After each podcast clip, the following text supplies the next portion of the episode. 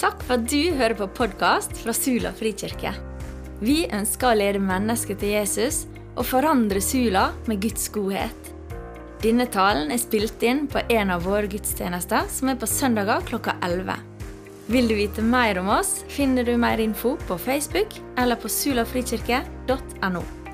Du er alltid velkommen til Sula frikirke. Jeg har lyst til å begynne med å be. Herre, vi takker deg for at vi skal få samles på juledag. Og så ber vi om ei nådestund der eh, du åpner våre tanker, vårt hjerte, for dine tanker. Så vi kan få et enda videre perspektiv og se enda kanskje litt dypere inn i ditt verk gjennom din elska sønn Jesus. Far i himmelen, vi ber. Amen.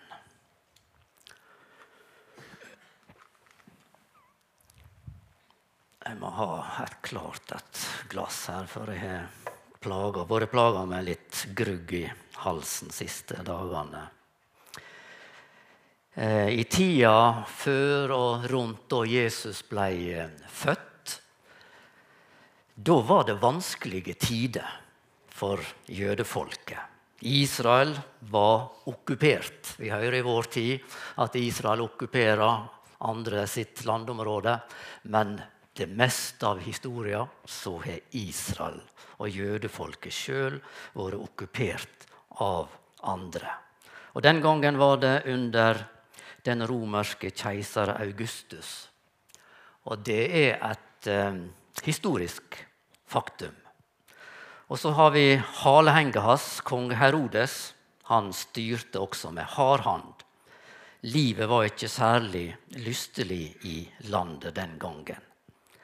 Likevel, midt i det hele, så var der ei forventning i folket, i store deler av folket. Det var som en slags folkebevegelse som gjerne ble kalla for de stille i landet de våga ikke å rope så høyt om det. Men det er et uttrykk som eh, var henta fra Salme 35. De stille i landet. Og Josef og Maria var sannsynligvis en del av denne bevegelsen. En bevegelse av forventning. Og forventninga den var skapt av noen mystiske ord i gamle i de gamle skriftene. Ord som hadde fått gjennomslag i store deler av folket, ikke bare de skriftlærde. Og Det var profetier om at det skulle komme en befrier en dag. En messiansk konge. Og så var det noen spesielle ord som antyda at tida nå nærma seg virkelig. Jeg var i eh, bokhylla mi. Jeg kaller det biblioteket mitt. Der, er, er ganske mange gamle bøker der. Og jeg fant ei gammel bok av en uh, finsk pastor og bibellærer som jeg nå ikke klarer å huske nøyaktig navn på, så jeg skal ikke prøve å gjenta det. Men det var iallfall eh, ei bok som handla om profetiene Eh, Messias-profetiene i Det gamle testamentet. Og der eh, gjorde han meg oppmerksom på en profeti i Daniel 9, 24-26. Der det står om hvor mange åruker det skulle gå fra budet om at tempelet i Jerusalem skulle gjenoppbygges, til denne Messias skulle stå fram Og det går faktisk an, ved hjelp av opplysninger vi får hos Nehemia og Esra, å regne seg fram til når han skulle stå fram. Jesu første komme. Og jeg sjekka det som han kom fram til også, og vi begge landa på år 26 etter Kristus. år 26 etter Kristus. Da skulle han ifølge den profetien stå fram. Og jeg fikk frysninger nedover ryggen når jeg ble gjort oppmerksom på det der. Og Når vi da tenker at Jesus ble født mellom tre og sju år eh, før Kristus, for det ble regna feil den gangen vi starta vår tidsrekning, så landa vi på den den tida der, år 26. Enten sto han fram det året der, eller han hadde allerede stått fram. Det var forutsagt. Det var planlagt. Det var bestemt at han skulle komme. Og så var det da flere som gikk akkurat i disse dagene. Ja, men da må han kanskje i disse dagene her bli født. Og så leser vi om to navngitte personer som var spesielt opptatt av dette. Hvor er han? Og Vi kjenner navnet på dem. Det var Anna Fanuels datter, 84 år, og gamle Simeon, som nærmest gikk og lette etter han. I tillegg så hadde de fått en åpenbaring om at nå er han kommet. Og De gikk der i tempelet i Jerusalem, og så leita de og så hvor er han. Og så kom Maria med Jesusbarnet, og gamle Simeon han ser det med en gang. Der er han. Kan du tenke deg det? Kan du tenke deg det? Når Gud blir menneske. Og vi får se han og møte han. Denne sangen som jeg ikke har hørt før, var nydelig. Var et uttrykk for det. Og når Simeon ser dette barnet, så tar han barnet i hendene sine og priser Gud fordi at han nå endelig kunne gå fare herifra i fred, sier han. For nå hadde han fått se de frelse. Nå har jeg fått se de frelse som du har gjort i stand for alle folk. For øye på alle folk, står det i Lukas 2. Du har gjort de frelse i stand for øynene på alle folk. Og Det er noe av dette vi ser hver jul. Så blir kanskje mer enn noen gang evangeliet spredt utover gjennom forkynnelse og ikke minst gjennom julesanger. Og jeg ber hver jul la dette budskapet få nå inn hos noen nye. For det blir forkynt på så mange forskjellige måter akkurat i jula.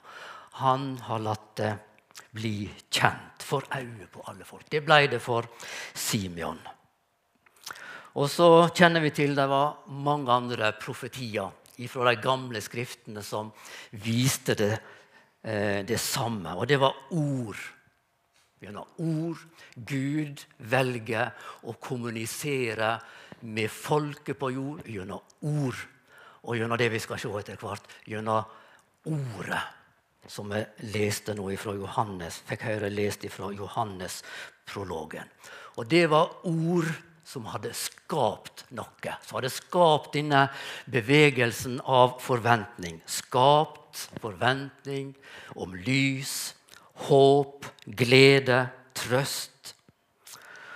Det var ord i Skriftene som hadde skaperkraft i seg. Vi kjenner at det skaper noe i oss når vi hører det. Og Det var ord som hadde vært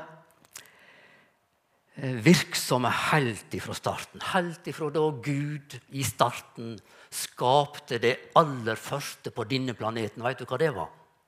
Han hadde først skapt himmel og jord, og så begynner han å skape ting og tang på planeten. Vet du hva det første han skapte? Gud sa, 'Det blir lys'. Det var det første Gud skapte på denne planeten. Det var lyset. Og jeg tenker at det måtte være noe mer enn det synlige lyset vi kan se i dag. For sola og månen som gir oss lys ute her nå, kommer ikke før på tredje skapelsesdagen. Jeg vet ikke om du har tenkt på det. Så det måtte være noe, noe spesielt med dette første lyset han skapte. Sånn tenker iallfall jeg. Og så fortsatte han. Gud sa jorda skal bli grønn. Gud sa det skal bli lys på himmelen. Gud sa det skal kry av liv i vannet og på jorda. Og til slutt Gud sa La oss lage mennesker i vårt bilde. Og så gjorde han mennesket. Skapte han oss i sitt bilde. Guds ord hadde ei enorm skaperkraft i seg. Og det er et mysterium. Og noe av jula sitt store mysterium. Hva som lå i dette ordet som kunne skape så mye skjønnhet. Og Det er mitt første punkt. Jeg har fire punkt i dag. Første Gud skapte med ordet. Og ordet, ordet, ordet, det er på gresk logos. Og i det uttrykket logos er det noe mer enn ord som består av en viss mengde med bokstaver fysisk.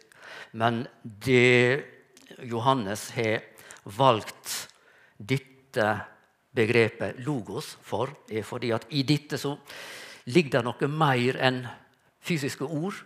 Et fysisk ord. Der ligger en tanke bak, et budskap bak. Ei personlighet bak dette uttrykket 'ordet'. Og så skapte han oss ved dette ordet.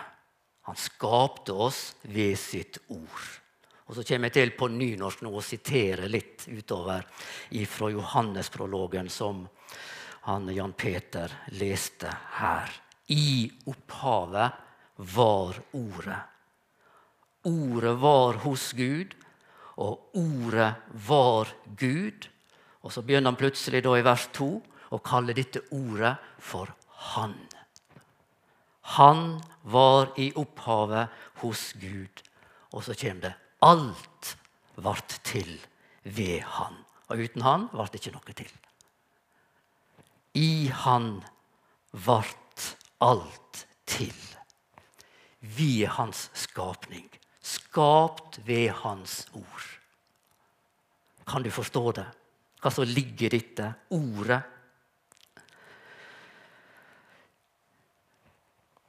Johannes han antyder videre en liten grann hva som ligger i dette. Og det at han kaller ordet for Han. Dette ordet, det var en person. Og verden var til ved Han ved Guds sønn. Ordet er altså en person. Guds sønn ligger på en måte i Guds ord. Jesus er ett med ordet. Ordet var Gud. Og så kommer det i ordet, i Han, var liv. Og livet var lyset åt mennesker. Og da ser jeg sammenhengen helt ifra da Gud sa det blir lys. Og så kommer lyset igjen her, enda skarpere. Og med enda mer forklaring og åpenbaring så får vi se inn i sjølve lyset, i denne personen. Og livet ble lyset for mennesker. Lyset skinner i mørket. Og så ser jeg bitte litt kanskje av dette ordet som Gud ga i begynnelsen, det var på en måte garantien for skaperverket og for oss mennesker. At lyset skulle skine i mørket. Lyset skulle alltid være der for oss, oss som så fort rota oss inn i mørket. Gud skapte lyset og alt ved ordet og det bekrefter han i Jesus og viser at han holder ord. Gud holder ord, han holder sine løfter, og alt han er forutsagt, det beviser han når han sender Jesus. Jeg syns det er en fantastisk, enorm tanke. Han er garantien for at lyset skal alltid skinne i denne verden vers 9. Det sanne lyset, som lyser for hvert menneske, kom nå til verden.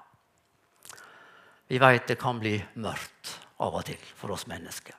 Noen er dypt preget av mørket. For noen blir livet så svart, liv, når livet går i svart, da er det forferdelig. Og vi hjemme hos oss vi har hørt om noen personer som har opplevd mørket så sterkt at de ikke orker mer.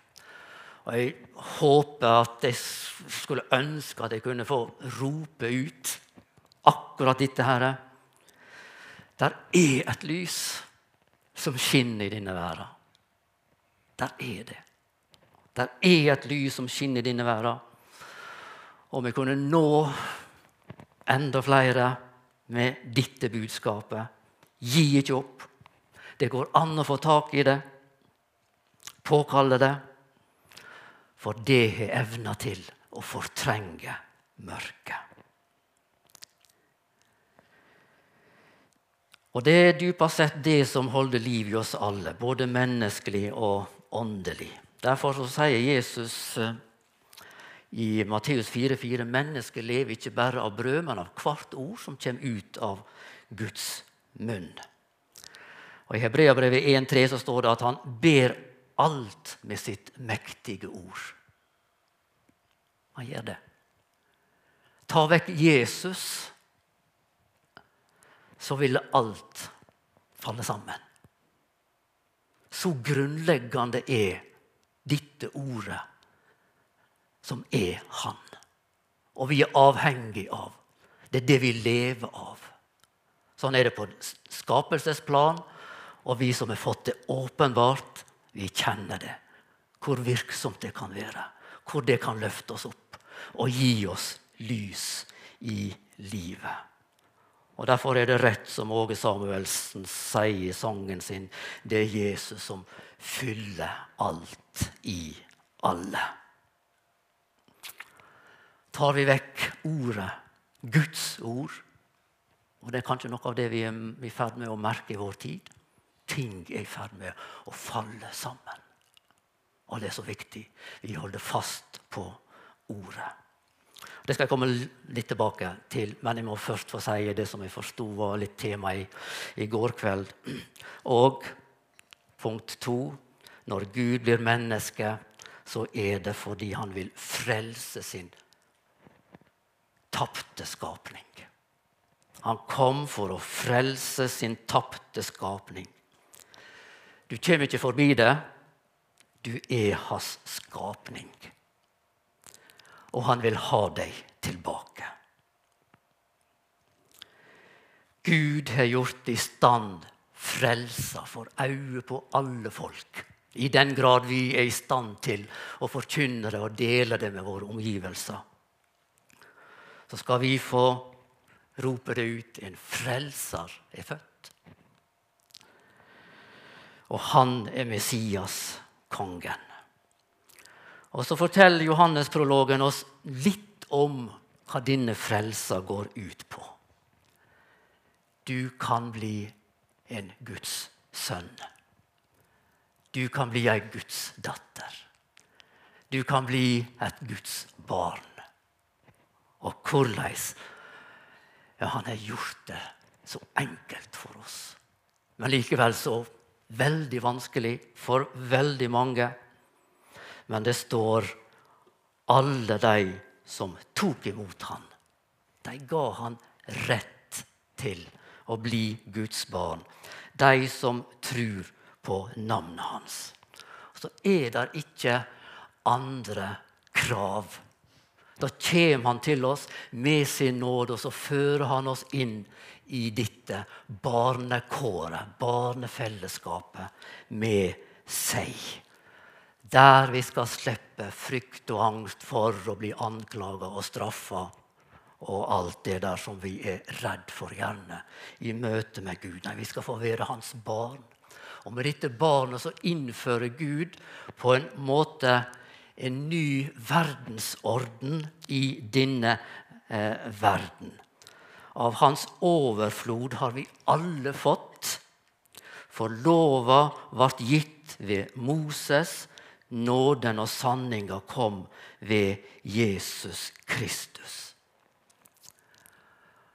Og på den måten, når han innfører nåde over nåde, som det også står her, nåde og sannhet om oss sjøl og om hans frelse, så innfører han amnesti i denne verden.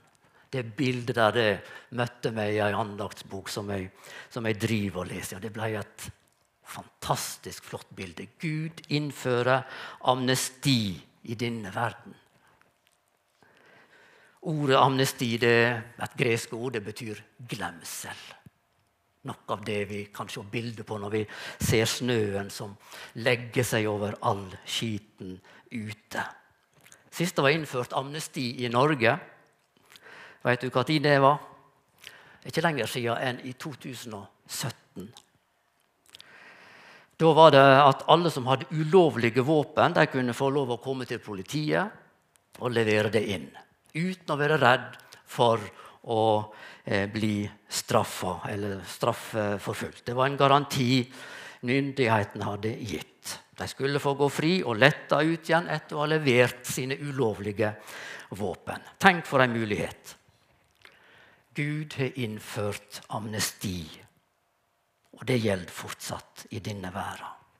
Guds sønn ble menneske og fikk oppleve og prøve alt det som vi har prøvd og han fikk bære alle byrder som vi nok en gang har kjent på vi må bære.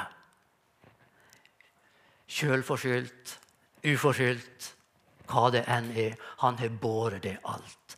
Og han har båret det vekk, og så inviterer han til å komme med alt vårt som vi bærer på. Og så skal vi få levere det inn. Overlevere det. Og så er det enkelte ting som er så voldsomt av og til at vi ikke klarer å håndtere det. Men vi må ta kanskje litt tak av og til, og så må vi velte det.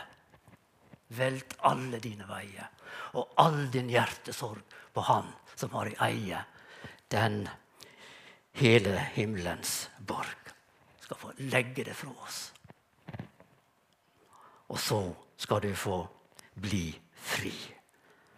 Legge det fra deg uten frykt for et eneste bebreidende ord. Og så vil han ta imot deg, og så vil han lede til noe nytt. Gud snur på det. Nåde i stedet for lov og krav. Det er nådetid. Det er i orden. Du er fri ved tru på Han, ved å ta imot han og den frelse han har gjort i stand. Så er det når jeg kommer til punkt tre, det siste fjerde. Det er veldig kort.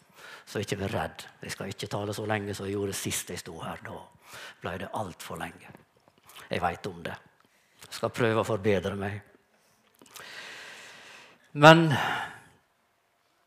når han kom til oss, så kom han for å bli. Han kom for å være permanent hos oss.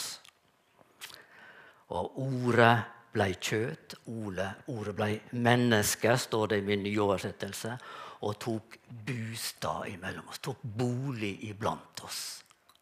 Jeg vet han, eh, han Geir han har minnet oss om det flere ganger.